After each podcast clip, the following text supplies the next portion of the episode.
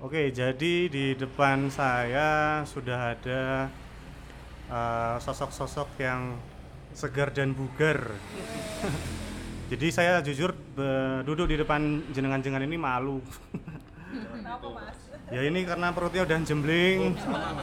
Lah tapi kan jenengan-jenengan terlihat segar dan taktis gitu. saya masih tengah-tenguk gini aja gitu. ya, jadi eh, selamat datang eh, teman-teman. Eh, di sini ada Mas Hastu atau boleh dipanggil Mas. Able. Bisa dipanggil Mas Able, itu aja nggak apa-apa. Oke, selamat datang Mas Ableh dari eh, ISSI. Isi. ISI. Ya. Eh, isi bisa dibilang Ikatan Sport Sepeda Indonesia. Eh, tapi saya di cabang eh, wilayah Salatiga. Terus kemudian juga ada sosok yang cantik-cantik juga dari Salatiga Women Cyclist, betul ya? Yes, betul Mas. Jadi ada ini saya panggilnya apa ini Ibu, Tante? Kak, kak aja, Kak, kak. apa? Kak, iya biar friendly. Beneran? Kak aja. Iya. Iya. aja. Ya, jadi ada Kak Mauren, betul ya? Iya, betul. Dari Salatiga Women Cyclist dan ada Bu Dian. Dia. Dia. Ya. Dia. Selamat datang di Warung Lawas. Terima kasih udah mau ngerepotin panas-panas ke sini sore-sore nyun sewu maksudnya kalau Iya, panas Oke, banget mas. panas gitu ya. ya jadi eh, kita kan eh, ngundang teman-teman di sini juga pengen tanya-tanya nih tentang dunia persepedaan gitu. Jadi mungkin kan mungkin memang bener akhir-akhir ini kan lagi apa ya? In banget. ya. Lagi in banget, Hits. lagi viral di mana-mana itu orang sepedaan. Nah, cuman aku mau tanya sih eh, mungkin dari Mas Ableh dulu kali ya. Maksudnya kalau boleh tahu itu kalau tentang persepedaan itu apa ya? eh, dibaginya itu dalam berapa jenis sih? Maksudnya dari bentuk sepedanya atau dari bentuk apa dari fungsinya yang dipakai itu gimana? Waduh, kalau dijelaskan sih banyak sih sebenarnya ya. Dari jenis sepeda pun ada banyak, ada dari road bike, BMX cross, lalu mountain bike, Ba- banyak banyak macam sih. Dan eh, apa? Semua mountain saya larinya ke bidangnya ke mountain bike sebenarnya kan ya, ke mountain bike. Ke mountain bike-nya aja s- eh, di mountain bike jenisnya ada, ada banyak dan salah satunya ya cross country lalu all mountain downhill eh, free ride jump jadi ya mungkin ya banyak sih mas ya. Aku nggak nggak nggak terlalu paham juga sih untuk kayak di road di road bike di sepeda road bike tuh macamnya sebenarnya ada banyak. Lalu ada lagi di eh, mana BMX tuh ad- ada beberapa. Nggak hafal sih sebenarnya sih. Cuman banyak sih mas jenis-jenisnya. Kalau Mas Ableh sendiri berarti main sepedanya yang apa nih sepedanya? saya lebih ke mountain bike ke downhill Mountain bike downhill itu berarti yang apa ya? Kalau bahasa saya itu yang nerabas-nerabas gitu ya? ya kayak gitulah kan oh.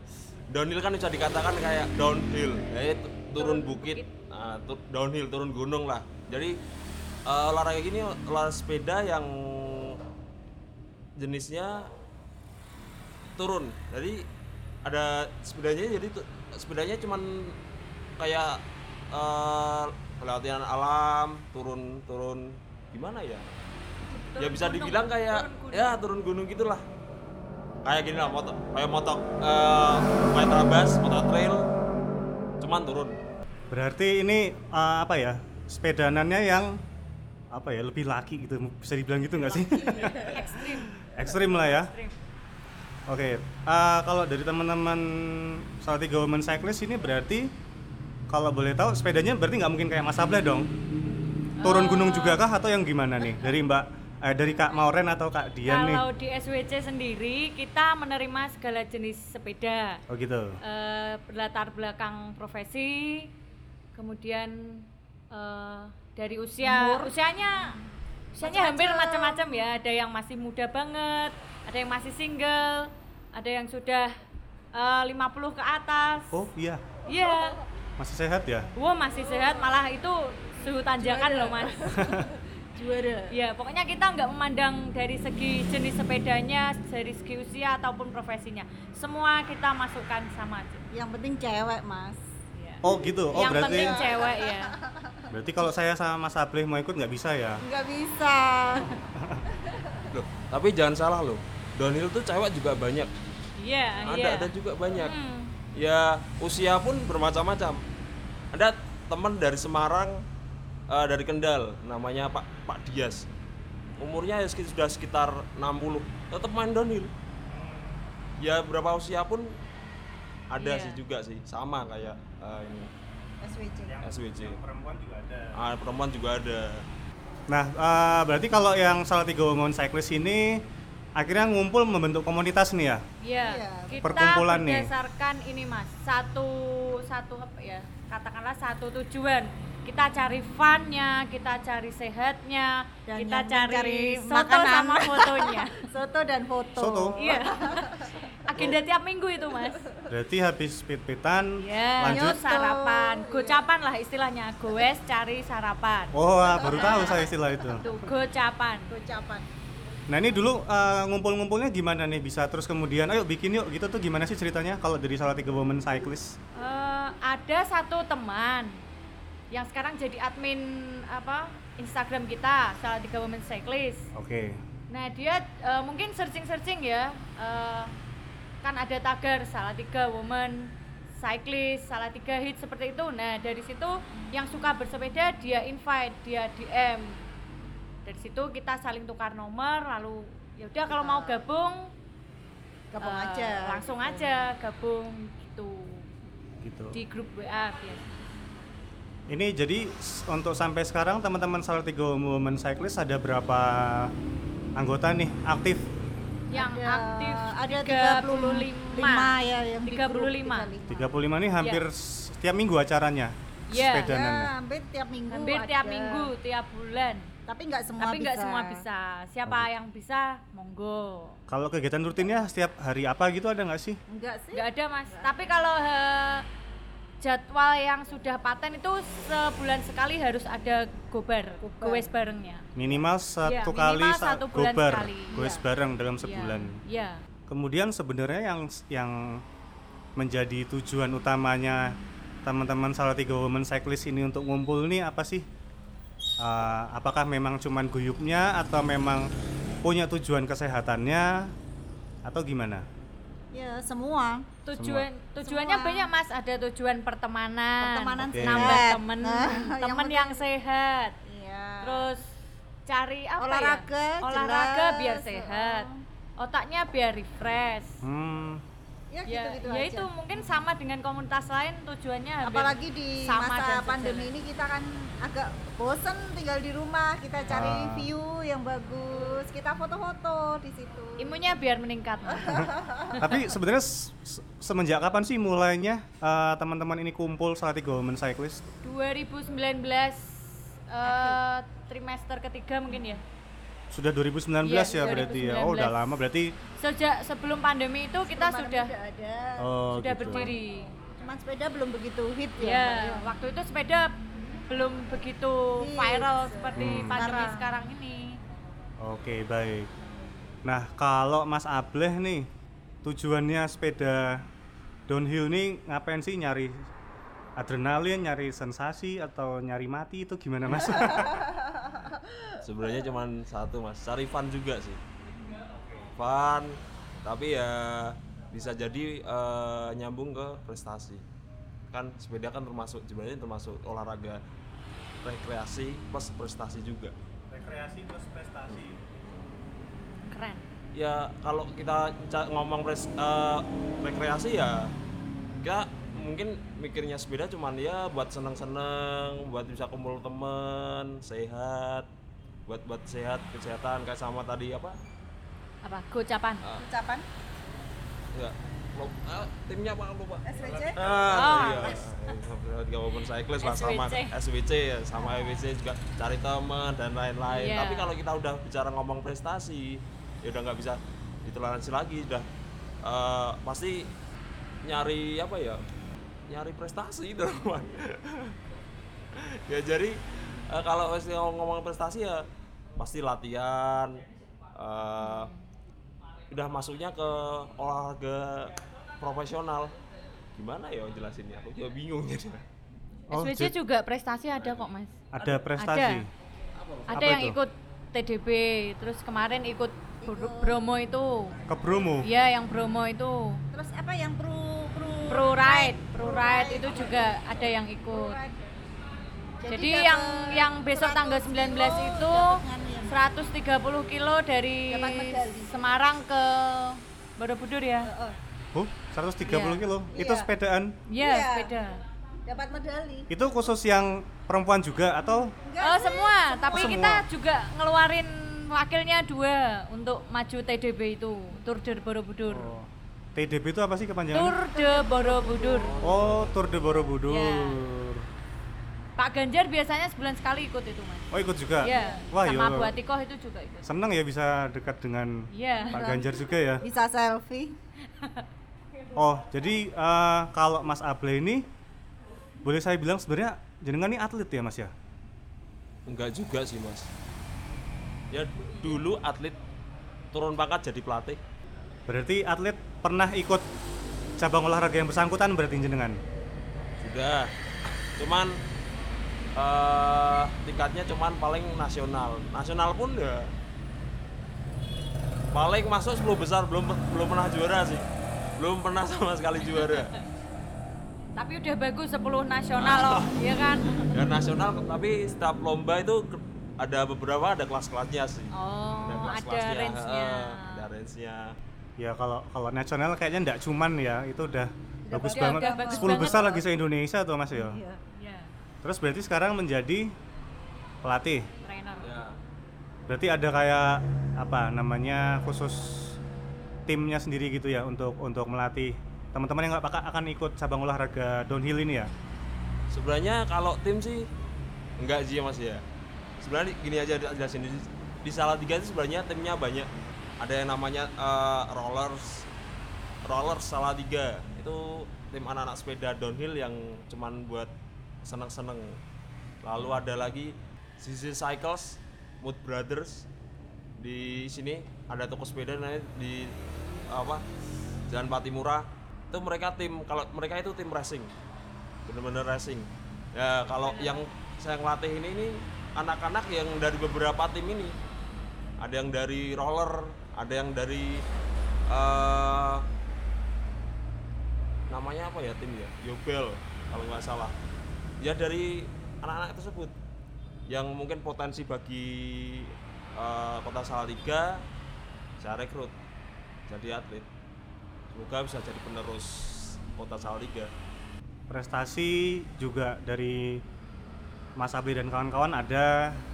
Dari teman-teman Salatiga Women Cyclist juga ternyata ada. Ada. Gitu ya. Nah, eh misal nih kalau sebagai yang aku yang yang belum belum pernah ya pun pernah sih sepedaan zaman kecil gitu ya. Ah, cuman kalau misalnya ah, terlepas dari sekarang lagi in atau enggak, kalau saya nih sekarang mau sepeda nih yang harus disiapkan nih apa sih? Pertama kali, Sepedanya dulu. ya sepedanya dulu. nah, kalau kalau ngomongin gini, ya pengen sepedaan Sepeda biasa. dan anu Mas, APK-nya istilahnya. APK ada itu apa? helm, Alat eh, pelindung. alat pelindung Alat diri. APD kok APK. Alat pelindung diri. Alat pelindung diri. Ya. Alat pelindung diri ya. Helm, Kacamata, helm, kacamata. sepatunya yang proper juga. Oh, kalau yang salah sarung. tiga women cyclist juga pakai kayak gitu. Oh, harus itu wajib. Tak memang kira wajib. cuma yang downhill aja karena kan adrenalin Enggak banget lah. gitu. Ya helmnya kan beda mas, bentuknya mas.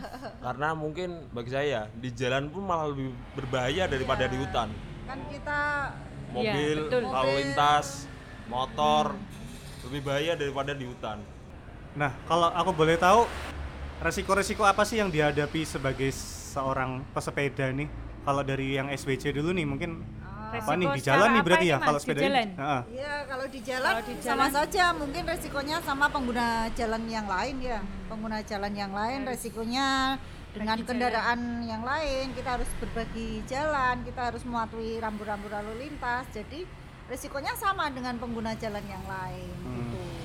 Termasuk apa ya? Kalau tiba-tiba bannya gembos Hmm. Iya, itu biasanya kita kalau gobar juga bawa alat-alat mas.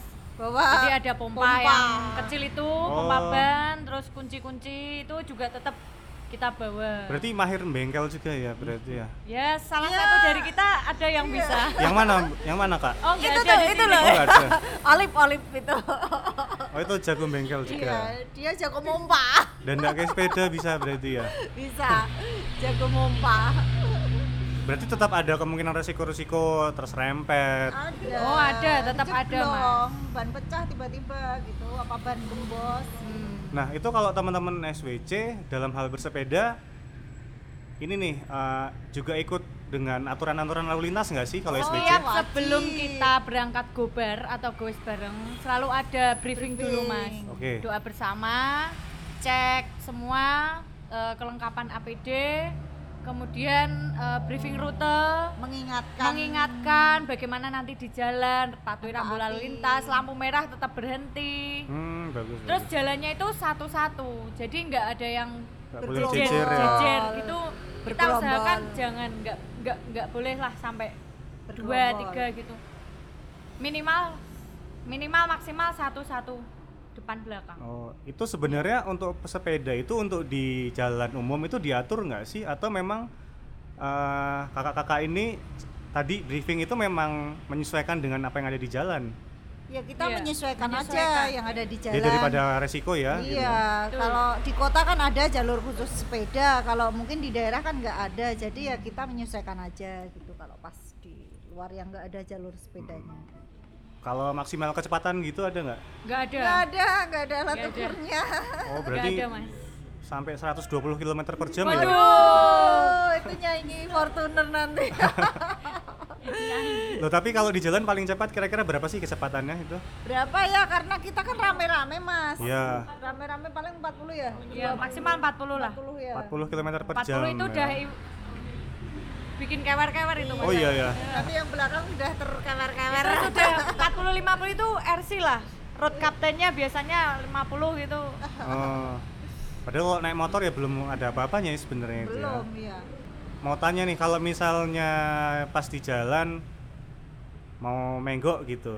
Itu Oh, sign, sign pakai ah, tangan. itu aba-abanya gimana tangan. tuh? Pakai tangan. Kadang aku pakai peluit, Mas. Peluit gitu sambil tangannya orang eh, belum itu. Iki toh. Eh, menggok kanan. Ah, kan apa pakai lampu atau gimana Enggak gitu? sih, Enggak, pakai tangan, pakai tangan, inisial eh, apa? Tangan. Yang It- depan, yang depan ngasih. Yang depan, Oh, terus gitu. yang belakang Oh, mengikuti. Nanti yang belakang mengikuti. Oh, berarti Kalau enggak ini Mas, bel kling kling kling kling itu kan paling hmm, Hmm. tapi tetap sambil nengok ke belakang kan Oh nggak ada iya, spion ya? tentu. Kan nggak ada spion. Nggak ada spion kan kan nggak ya? ada spionnya. Ya cukup berisiko tapi untungnya teman-teman SWC Ya tetap eh, tetap hati-hati. selaras dengan teman-teman yang ada di Iya. jalan umum juga ya. Ada Iya, mobil, harus. motor, truk, kan ngeri iya, banget. Aduh, ngeri. ya. Tapi yang ngambil jalan-jalan provinsi juga nggak kalau sepedaan gitu? Eh, iya, Kadang, kita kemarin iya. ke Ambarawa itu kan ya lewat Lewat jalan jalan provinsi. tuntang itu mas. Jalan berarti ya musuhnya ya truk, Musuhnya ya iya, truk, truk bis. bus gitu. bis akap yang kencang-kencang itu. Itu anginnya dari itu juga nggak nggak pengaruh Oh, ke nggak keseimbangannya teman-teman ya? Enggak sih, kan Enggak. kita enggak kencang banget. Hmm. Enggak kencang. Kalau goes bareng itu kan rata-rata kecepatannya hampir sama, toh mas. Jadi semuanya hampir imbang kecepatannya. Oke. Jadi nggak ada yang di depan, enggak kayak perlombaan. di belakang banget itu nggak nggak sampai lah. Kita usahakan bareng terus. Nah, masih ngomongin resiko nih kalau teman-teman yang downhill Mas Ableh. Nah, mungkin resikonya beda kali ya kalau sama teman-teman SWC ya kan kalau teman SWC Jalan. ada Bang. Jo ya berarti harus nganu berhenti biar nggak ketabrak. Cuman kalau kalau denger-denger kayaknya lebih ngeri gitu ya kalau secara resiko Lebih ya. kayaknya ya. Lebih kelihatan soalnya saya sering ya saya pernah lihat di teman-teman yang di taman kota itu ya. Salip putih Eh ya. itu bahunya pindah ke depan gitu. Maksudnya nggak patah tapi bahunya dari sini pindah ke sini gitu loh. Kayaknya kok menyakitkan Ngeri, banget ya. Itu gimana itu? kalau dibilang ngeri bagi bagi kami mon, eh, pecinta Downhill. sepeda gunung lebih ngeri di aspal mas pasti lebih aspal lebih ngeri karena di di mana di apa di hutan paling nggak ada sih namanya motor base kan ya memang sih resikonya nabrak pohon Nah, jatuh. batu masuk jurang paling Berarti ya itu point sih of view-nya beda ya Mas ya. Ah, point of view-nya juga beda Kita mandang downhill juga ngeri, Ngeri. ngeri, di hutan. nah jadi Saya ngeliat dua-duanya ngeri malah. Dari Ya. semua ya mas. ini mas kalau saya dipilih ya dari mending jatuh di aspal apa di tanah tanah Jatuh cinta katanya. Ah. berat Ah, berat biar Dilan saja. biar aku saja. Ya. Kayaknya jatuh di tanah kan lebih kayak kalau di aspal kan pasti pasti lebih sakit. Nah, tadi kayak bilang resiko resikonya ya itu tadi ban bocor sama pasti ban sih sering bocor. Kayak gitu sih Mas pasti resiko resikonya hutan. Lalu apa lagi ya? Paling ya itu doang sih. Binatang buas? Eh, selama ini nggak ada. Nah, kita main bag- sering di Gunung Merbabu. Oh. di sana ada di trek namanya trek Ngaduman desanya nama desanya Ngaduman ketinggian sekitar 1750 mdpl desa terakhir sana itu turun sampai Saleh Putih itu di sekitar sana kan melewati sekitar daerah Taman Nasional hutan-hutan pinus Hmm. Binatang buas sih nggak nggak ada sih. Cuman pernah tahun 2017 kita berenam anak-anak Salatiga semua. Pertama kalinya nemuin kijang di sana. Kijang atau apa ya? Ya kijang kayak rusa lah. Di Merbabu. di Merbabu pertama kali. Kalau monyet sih banyak sana. Banyak. Masih banyak. Ya, resikonya paling itu sih. Oh paling ada satu resikonya Kita rusak ya Mas. enggak resikonya satu sih Apa? hal-hal gaib Itu karena malam mas. oh iya Itu boleh diceritain lebih lanjut atau Wah. di kesempatan lain, Mas? Emang malam-malam mas sekarang? sepedanya? mau sekarang ya kira-kira yang pernah dialamin Mas Ableh deh apa? kayak gini mas jadi ya kan ini namanya gunung ya Hmm. gunung itu kalau eh, saya pribadi itu eh, wilayah yang berbeda daripada kota. Maksudnya suasananya. Satu ketika kita ada kalau nggak salah sama orang Semarang. Kita bersepuluh turun. Saya di depan otomatis saya depan saya menunjukkan jalan. Depan belakang ada teman saya namanya Robi. Turun nih. Turun. Ada nama eh, setiap, di trek tuh ada pos-posnya kita berhenti kita nunggu yang mana ada masalah apa enggak. Eh, Itu siang apa? siang. Oh siang. ya sekitar siang sekitar jam berapa ya? Jam 2an turun sampai di mana? Sampai di pos 1 ada teman satu sa- saya Ricky nggak ada. Belum belum sampai. Yang belakang Robi sampai bro Ricky mana? Duh, neng ngarep gue iki mau. Duh, ya muga muga kita naik jalan kaki. Cari. Sekitar 500 meter enggak 500 meter 200, 250 meter naik. Nggak ada. Nggak ada orangnya. Padahal jalurnya satu ya sama. Mas. kita turun. Ketemu si Ricky Udah di bawah. udah di bawah. Loh Rick tadi kamu lewat mana? Lewat kene tenan lewat kene lewat kene kita nggak ketemu sama sekali.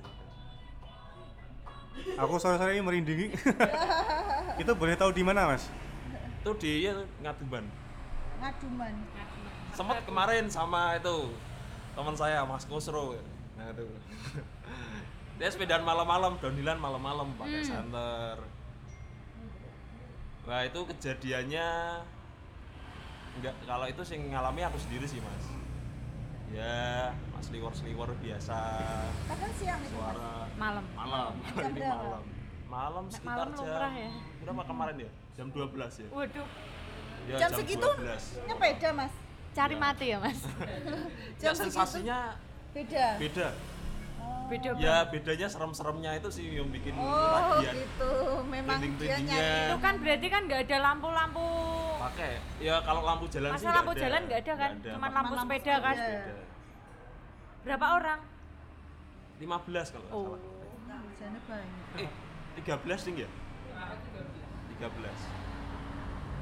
Seru sih mas, walaupun kejadian itu sering, cuman kita bersepeda pengen lagi, pengen lagi, pengen lagi.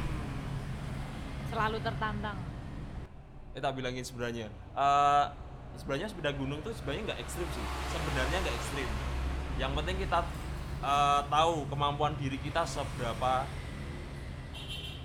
Jadi nekat aja nggak cukup. Kita butuh skill, Itu ilmu ya, itu ilmu. kita but- kita but- butuh skill ya seperti itu lah sebenarnya ekstrim enggaknya tinggal kecepatan kita sebenarnya pas ketika kita turun di trek kalau kita pelan menikmati suasana ya jadi nggak ekstrim. Kalau kita kenceng wah tuh ada batu wajar jadi ekstrim. Maksudnya kalau mau ikut ayo mas kapan mas? Ayo tak sediain sepeda. Pengen sih pengen. Pengen. Jo- jadi bisa jadi apa ya? Ini bisa jadi Hatinya. bisa jadi apa ya? Bersepeda itu bisa jadi salah satu sarana untuk mengenali diri juga ya. Iya. Sama kayak naik gunung kan katanya kalau kita mau mengenali orang yang kita kenal ya diajak naik gunung gitu loh di saat-saat susah gitu mas ya iya sama keluar aslinya gitu ya iya keluar aslinya. kalau memang harus hati-hati ya kerendahan hati itu perlu nah kan berhubung ini sama-sama uh, punya hobi bersepeda hobi atau profesi sih sebenarnya ini Hobi, Hobi. sih. Hobi. hobi ya Iya. kan sekarang ini uh, mungkin karena adanya se- sebuah fenomena yang cukup menggemparkan ya kan ada pandemi COVID-19 gitu. Terus saya sebagai yang nggak bersepeda pun agak agak aneh yang kadang agak jengkel juga dengan fenomena ini. Kalau saya bilang itu fenomena kaget gitu yang bersepeda. Eh, kenapa sih kok bisa terjadi? Nah ini mungkin kebetulan ada eh, seorang bidan juga Bu Kak Kak Dian ya. Dia. Kak Dia oh, yang saya itu kenapa kok tiba-tiba? Maksudnya kan kita dianjurkan untuk di rumah juga terus malah orang pada belanja beli sepeda semua yang mahal-mahal lagi. Kalau saya dengar ada yang apa sih namanya sepeda apa 40 juta gitu kok pada Brompton. Brompton ya? Kok pada kaget sih gitu kenapa? Terus pada beli sepeda sepedanan gitu. Kalau menurut saya sih kan selama pandemi kemarin itu kan orang kan harus di rumah, di rumah saja gitu. Nah, seiring berjalannya waktu mereka bosen. Aslinya Hmm. mereka tuh bosen di rumah terus dan mereka juga dalam meningkatkan imun itu kan juga mereka juga butuh olahraga, butuh bahagia gitu, butuh apa suasana yang baru. Nah, sepeda ini karena berenang kan memang tidak diperbolehkan selama pandemi karena itu eh, suatu apa ya mempercepat penularan Covid itu kan di kolam renang itu. Makanya mereka beralih ke sepeda. Jadi sepeda itu olahraganya dapat kalau kita dapat view-view bagus, kita juga bahagia, senang banyak ketemu orang gitu ya, orang lain. Nah, itu salah satu cara untuk meningkatkan imunitas terlepas dalam bersepeda pun kita juga harus mentaati protokol kesehatan. Hmm. Jadi tetap jaga jarak, tidak boleh bergerombol, pakai masker. Kita juga bawa alat hand sanitizer juga gitu. Hmm. Seperti itu. berarti sebenarnya dianjurkan ya untuk berolahraga bersepeda Iya, salah satunya iya, iya. Oke. Nah, kalau beberapa waktu yang lalu saya sempat baca berita di daerah Semarang itu kan ada protokol juga tuh Iya. berarti sekarang bersepedanya. Katanya ada anjuran kalau bersepeda itu jangan pakai masker. Katanya Iya. sempat ada yang meninggal karena Iya. karena mungkin uh, proses bernafasnya Iya. susah tuh. Pak. Iya. Memang di beberapa eh, tempat, beberapa kasus itu memang kalau kita bersepeda itu memang tidak usah memakai masker, Mas. Saat bersepedanya iya, ya. saat bersepedanya. Karena apa? Karena kita kan juga mengeluarkan CO2 dengan memakai masker. CO2 kita hirup lagi. Nah, itu kan Hmm. bisa mengakibatkan keracunan juga, keracunan CO2 dan juga kadar oksigen yang masuk ke dalam tubuh kita otomatis dengan memakai masker kan berkurang. Hmm. Seperti itu. Padahal kita kan butuh oksigen untuk kekuatan kita, untuk metabolisme tubuh kita selama kita berolahraga bersepeda. Begitu. Berarti sebaiknya ketika mengayuh sepeda tidak Ketika usah di- mengayuh sepeda kita tidak usah pakai masker, Hmm. apalagi di trek yang nanjak atau kita harus cepat seperti itu. Terus berarti waktu leren baru Nah, waktu dipakai lagi leren ya. kita mau foto-foto atau berkumpul nganu gitu, kita pakai masker gitu kan lebih aman. Berarti pas nyoto tapi dibuka lagi ya. Iyalah, nanti makanya gimana nggak ada maskernya. Nanti nggak bisa Seperti masuk itu, gitu ya. iya. Tapi kita tetap harus hati-hati ya protokol kesehatan tetap harus dijalankan. Nah, kalau terkait dengan protokol kesehatan sih mungkin saya setuju gitu ya. Cuman ada satu sisi lagi nih yang mungkin banyak dibicarakan itu terkait dengan uh, perilaku, Iya. perilaku pesepeda. Terutama mungkin yang uh, sering bersinggungan dengan teman-teman SBC karena kan treknya kan di jalan gitu loh. toh. Banyak teman-teman pesepeda yang aku bilang tadi pesepeda kaget itu yang ya mungkin nggak kayak jenengan-jenengan tadi yang mematuhi aturan lalu lintas juga, malah kadang pas bangjo itu ya di dirabas gitu toh. Terus sepedaannya nggak nggak baris ke belakang tapi jejer gitu malah malah ada yang ke tengah-tengah gitu loh kak. Jadi mengganggu juga. Maksudnya sebagai mungkin dari sudut pandang saya yang naik sepeda motor gitu loh mau ngelasonin mereka malah lebih arogan gitu loh itu kenapa kok jadinya kayak gitu ya Ya, karena kurang edukasi mungkin ya Mas? ya mungkin Mungkin karena dari, dari dirinya mereka sendiri kurang paham eh, etika, etika, ketika bersepeda, bersepeda. gitu. mungkin mungkin dikatakan maaf nih ya mereka itu masih newbie Oke. newbie itu pesepeda anyaran pesepeda musiman jadi Iya, nggak iya, tahu betul, lah betul. eh, Aturan. gimana Heeh. nanti di jalan tuh harusnya bagaimana aturannya bagaimana apakah harus mentaati lampu merah atau gimana mungkin mereka kurang edukasi tentang peraturan Kan ada lagi orang yang beranggapan ya kalau naik motor sama mobil kalau terjadi apa-apa yang menang kan tetap yang motornya. Nah, mungkin karena mereka naik sepeda, ah aku kan menang karena aku yang paling lemah paling makhluk Hmm. ya mungkin ada beberapa yang pemikirannya Iya, iya, iya. seperti itu kan? Itu kan? Boleh bertanya nggak? Boleh boleh. Ah, boleh buat eh, saya tanya ke SWC. SWC ya. Soal tadi bersepeda nggak boleh pakai masker karena eh, o- apa karbon dioksidanya kita balik lagi. Iya. Eh, menurut menurut kalian itu salah pakai masker nggak salah sih nggak salah pakai masker. Cuman kalau pakai masker oksigen yang kita hirup itu tidak akan maksimal gitu. Sehingga kita akan mudah merasa lelah ngap. ngap gitu seperti itu. Jadi oksigennya tidak bisa maksimal. Dan itu ada beberapa pada saat kita benar-benar sedang mengayuh kita butuh ekstra oksigen untuk mengaliri kebutuhan seluruh tubuh terganggu nah itu juga akan mempengaruhi metabolisme tubuh kita juga. Oke. apalagi yang mungkin tidak semua pesepeda itu orang sehat atau karena ada yang mungkin ada yang punya penyakit jantung atau apa kan kita juga nggak tahu kan? Seperti itu. Saya tambahkan mungkin ya memang bener kita nggak boleh pakai eh, nggak boleh pakai masker ketika bersepeda. Itu benar. Cuman sebenarnya sih disarankan juga untuk saat ini pakai masker ketika sepeda. Tinggal bahan eh, masker tersebut. Memang ada beberapa masker yang ketika apa eh, digunakan ah, udara yang kita tiup kita keluarkan tidak bisa tembus dari maskernya. Keluar. Karena begini karena saya menambahkan teman-teman di Jakarta itu setiap hari pas bike to work itu mereka menggunakan masker. Karena apa? Biar nggak kena polusi. Kalau emang eh, polusi apa?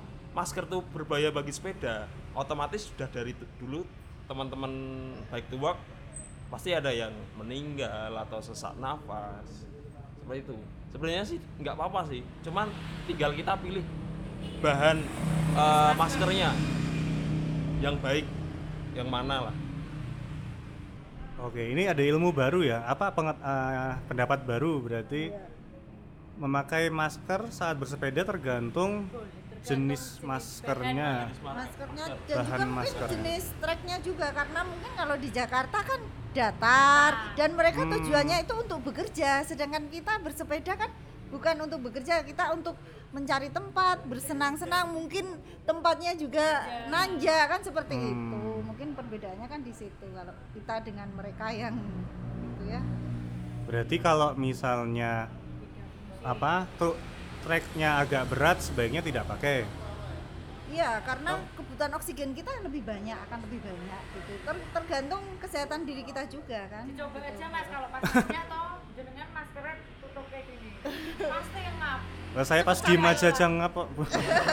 Cepet capek juga. Nah, tapi kalau eh, bahan yang dianjurkan misalnya menurut Mas Able ini yang masker kayak apa sih kalau untuk olahraga atau bersepeda? tipis ya paling apa ya ini menurut menurut saya masih bahan-bahan scuba kayak gini sih masih ditoleransi sih buat sepeda saya pun kalau bersepeda tetap pakai masker sebenarnya saya dianjurkan pakai masker ini saya punya teman di Jakarta seorang dokter dia saat covid ini kan dia saya saya, bertanya dok bahaya nggak sih aku pakai masker lagi ketika bersepeda Enggak sih, enggak.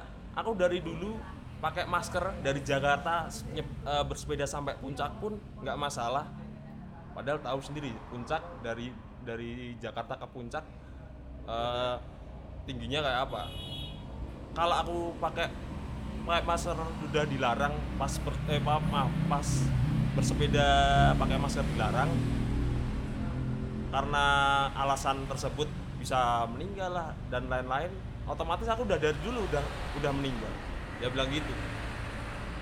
Memang tergantung dari bahan maskernya gitu aja ya. ya tergantung dari bahan maskernya. Sama penyakit bawaan mungkin Ah. bisa ya kan? Oh iya ya, benar iya benar-benar. ya nggak pakai masker kuat eh, delalah pas habis nanjak itu tiba-tiba kolaps juga banyak terjadi pakai masker kolaps juga ada banyak jadi tergantung eh, riwayat kesehatan pribadi Hmm. masing-masing Jadi eh, mungkin kesimpulannya kita tahu diri aja lah ya. Iya. Eh, tahu batasan batasan kesehatan diri kita Hmm, sendiri. Yang mengenali Iya, diri yang kita kan mengenali Iya. diri kita sendiri Tapi mungkin kalau kita eh, apa namanya sepedaannya di daerah kota ya mungkin sebaiknya pakai Iya, gitu ya. Karena kan polusi ada banyak orang lalu lalang Iya. juga. kadang kalau nanjak itu kita lepas nanti kalau pas datar turun tuh pakai kita pakai lagi. lagi. Fleksibel lah ya. Jadi kalau Iya. udah kerasa ngap ya ya, dilepas atau istirahat ya, tergantung gitu ya. kalau sudah ngap nanti lepas Mm-mm. paling nggak me- menutupi mulut itu sudah eh, hidung kelihatan itu udah nggak ngap lagi Oke. Nah, ini kalau dari teman-teman yang MTB terkait dengan apa pandemik ini juga ikut rame nggak sih Mas yang yang downhillan di gunung gitu sekarang? ya makin rame juga sih mas peserta eh, di sepeda gunung juga tambah juga dan gara-gara covid ini juga eh, spare part sepeda juga jadi mahal ikut jadi mahal Karena langka atau itu si penjual memanfaatkan kesempatan tuh Mas kayak gitu tuh? Remo ya nah karena Meremo. rem ah itu, itu Meremo. remo kalau enggak itu juga sih. Permintaan pasar ya? Eh, musiman. Pesepeda Se- musiman? pesepeda musiman. tiba-tiba kan melonjak tinggi mas. Nah kesempatan, Kesempatan. buat para penjual. Sam- sampai-sampai nih mas salah satu pabrik eh, merek sepeda tertentu sampai kehabisan bahan. Dan pabrik stop. Gara-gara ini. Kan saya tambahin juga karena sebenarnya kan ini gara-gara kenapa musiman eh, persepeda musiman tiba-tiba langsung meledak? Kan tadi kayak SWC udah jelasin sama kayak gitu. Dan sebenarnya kan gara-gara kemarin eh, saat awal-awal udah agak lumayan rendah WHO kan udah menyarankan sepeda apa sepeda adalah olahraga yang disarankan ya setuju Nah, bagi teman-teman pesepeda ini eh, apa ya menyikapi teman-teman yang dibilang musiman ini gimana? Ada nggak yang ikut gitu terus kelihatan ini kayaknya pesepeda musiman gitu loh. Itu menyikapinya gimana tuh? Ya kalau kita sih ya kalau memang musiman ya biarin aja ya karena semua orang kan berhak berhak apa ya membahagiakan diri. Ya, apa ya iya, iya, iya. mencari kebahagiaan mereka yang tapi penting. mbok gini Nah, eh, pakailah APD pakailah helm. Taati aturan lalu lintas ya, kalau gitu. malam ya pakai lampu. Gitu. Pakai sepatu. Celana juga yang proper lah mas. Eh, kayak legging. Biasanya kan yang yang baru-baru itu kan pakai celana gombrong-gombrong itu kan kadang masuk ke rantai-rantai. Oh iya iya itu iya. kan bahaya juga. Terus ya seringnya mereka bergerombol gitu gitu Mm-mm. itu kan. Itu juga mempercepat penularan covid itu kan. Itu berarti Bahayanya kemungkinan besarnya kurang teredukasi gitu ya. ya karena apa ya karena baru tren aja. pengalaman ya. Hmm, tapi kalau teman-teman SWC tetap kasih edukasi terus kan ya ke teman-teman. iya terus bisa mah ngasih contoh. Ngasih contoh. Ya. kalau bisa kita jadi apa ya role modelnya klub cewek salah tiga lah setidaknya. Ya, kalau yang downhill juga ada Mas yang musiman-musiman gitu. musiman sih nggak nggak sebanyak kayak di jalan ya. Cuman ya ada ada. Dan sama tetap kita edukasi. Eh, kebanyakan tuh banyak sikap-sikap mereka itu kadang-kadang downhill tapi nggak pakai helm nggak pakai safety nggak pakai protektor nggak pakai keni nggak pakai sarung tangan. Kadang-kadang seperti itu. Mereka asal nyop asal asal nekat. Itu aja. Modal nyali berarti ah modal nyali. Nyali aja nggak cukup aja nggak cukup Oke, jadi banyak banget yang sebenarnya bisa dibahas ya dari bersepeda Iya. ini ya, karena masih macam-macam juga ya. Ada yang BMX juga yang yang sebenarnya pengen bisa diundang, cuman mungkin belum terjangkau aja Sally, sih ya. Sally belum ya Apa tuh? Sally, Sally, sepeda lipat sepeda lipat. ya, sepeda lipat. Oh, itu khusus ada komunitas sendiri ada berarti. sepeda Banyak lipat banget khusus sepeda lipat itu banyak 200an 200 orang. iya Oh. Tapi ter, ter terkoordinasi juga kan ya? iya itu Sally Sep- tiga Sally. Tak kira siapa Sally. Sally sepeda lipat Nah, kalau teman-teman pendengar podcast Warung nih, kan mungkin pendengar teman-teman podcast Warung kan kebanyakan anak-anak muda juga nih. Nah, itu misalnya pengen join, tapi yang memang kira-kira benar-benar punya hati atau setidaknya pengen mencoba dulu lah, karena kan eh, ini saatnya kita untuk sehat juga gitu ya, karena kan kita nggak tahu apa yang terjadi ke depan, ada wabah apalagi kita nggak tahu. Nah, karena punya sama-sama punya tujuan kesehatan nih kan ya. Nah, kalau misalnya mau join nih, itu gimana sih? Mungkin dari Mas Ableh dulu kalau mau join gimana nih yang yang downhill nih? kalau ke downhill ya kalau ke downhill eh hubungi aja di mana Jalan Patimura maaf nyebut merek nggak apa nih? Di toko Zizi Cycles salah tiga. Ke situ aja. Eh, tanya-tanya mau mau co- mau apa mau coba downhill gimana caranya atau eh bisa ke langsung ke saya aja tanya ke saya. Facebook. Bisa hubungi saya di lewat Facebook Messenger aja saya namanya Hastu Pinandio kalau enggak eh, komunitas eh, sepeda Salatiga Salatiga MTB ya. Langsung calling aja ke situ. Lewat Instagram Salatiga MTB Mas itu kalau mau daftar downhill anak-anak bisa mas? maksudnya gimana?